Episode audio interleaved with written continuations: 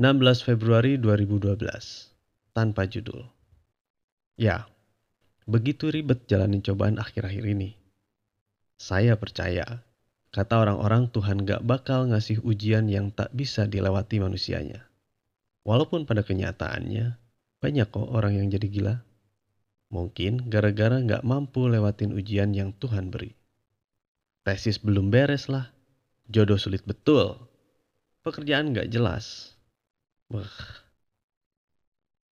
Tapi kalau mendengar sejumlah keluhan kerabat dan teman, masalah saya memang belum setai kukunya kali. Satu hal yang saya pelajari dari gempuran ujian ini adalah jangan pernah menyerah. Cari jalan lain dan jangan percaya orang lebih dari 50%. Gak ada yang bener cuy. Aduh, memang menipu semua itu. Cipe deh. Hikmahnya sekarang ia merasa naik lagi selevel. Emosi nambah tenang, tujuan semakin fokus, dan yang pasti nambah bersyukur. Terima kasih ya Allah. Anda memang murah hati sekali.